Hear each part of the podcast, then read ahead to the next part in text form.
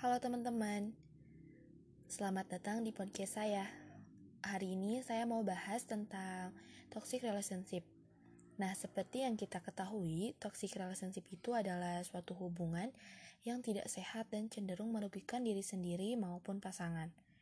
Toxic relationship ini bukan hanya ada pada pasangan yang berpacaran ataupun berkomitmen doang, tetapi juga pada hubungan-hubungan yang lainnya seperti hubungan pertemanan. Nah, mungkin di sini saya akan menitik beratkan pada bahasan toxic relationship pacaran.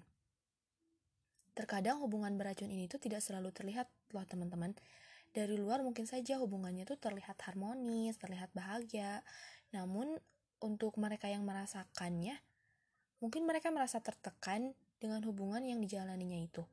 Hubungan tidak sehat ini juga tidak hanya ditandai dengan tindak kekerasan fisik saja, melainkan kekerasan emosional pada pasangan. Menjalani toxic relationship ini jelas sangat bahaya untuk kesehatan mental kita, teman-teman. Kita akan kehilangan fokus, mengalami stres, depresi, dan peningkatan gangguan kecemasan. Bahkan bisa saja hubungannya ini malah menjadi bumerang untuk diri sendiri maupun orang lain. Sekali lagi, ini sangat bahaya ya, teman-teman. Keluar dari sebuah hubungan yang tidak sehat memang bukan perkara mudah untuk melakukannya, mungkin kita perlu terlebih dahulu mengenali tanda toxic relationship yang sedang terjadi pada hubungan kita. Nah, sedikit tanda-tanda toxic relationship yang saya baca dari beberapa artikel yaitu ada kekerasan fisik. Ini sudah jelas banget ya teman-teman, sangat merugikan diri kita maupun diri orang lain. Yang kedua tuh ada kurangnya dukungan dari pasangan. Mungkin karena keinginan kalian itu tidak sejalan dengan keinginannya. Yang ketiga tuh ada komunikasi yang beracun. Mungkin termasuk perkataan kasar, kritik-kritik yang menjatuhkan, sarkas, hingga adu perdebatan. Yang selanjutnya ada perasaan cemburu yang berlebihan. Sebetulnya cemburu itu sangat sah-sah aja asal pada batas yang wajar. Yang selanjutnya ada adanya kecenderungan ingin memegang kendali atas hubungan dan kehidupan pasangan. Padahal kita ataupun pasangan sebetulnya punya kehidupan masing-masing, teman-teman. Hmm, yang selanjutnya tuh ada perasaan benci, stres, dan frustasi.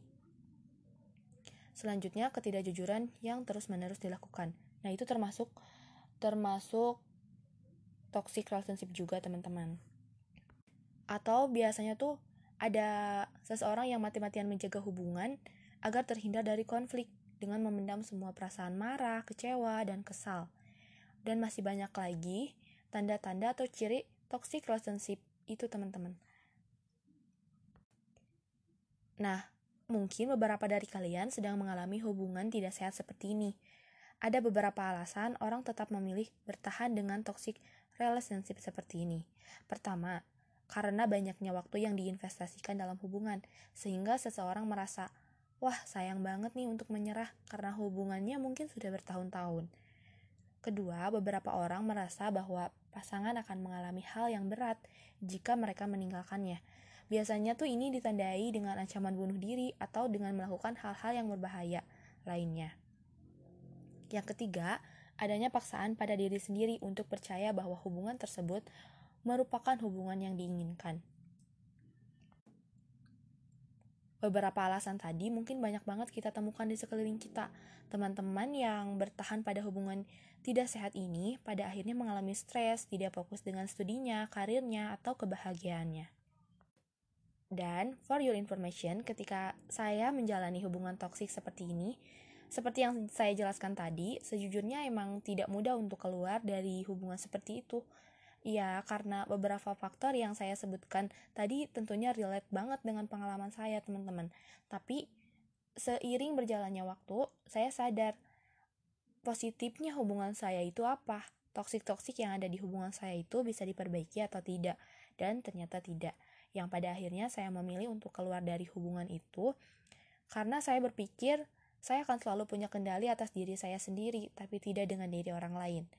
Jadi, untuk kalian yang berada pada hubungan toksik, relationship, atau hubungan-hubungan beracun lainnya, segera perbaiki hubungannya. Hilangkan toksik-toksiknya itu pelan-pelan. Karena keluar dari hubungan toksik itu bukan berarti harus memutuskan hubungan, teman-teman. kalian mungkin bisa bicara baik-baik dengan pasangan kalian masing-masing. Kalau misalnya tidak bisa dan masih tetap menjalani, saya kira memutuskan hubungan bukan hal yang bodoh, teman-teman. Kalian akan selalu layak punya hubungan sehat dan berbahagia dengan pasangan kalian atau dengan diri kalian sendiri. Tetap semangat!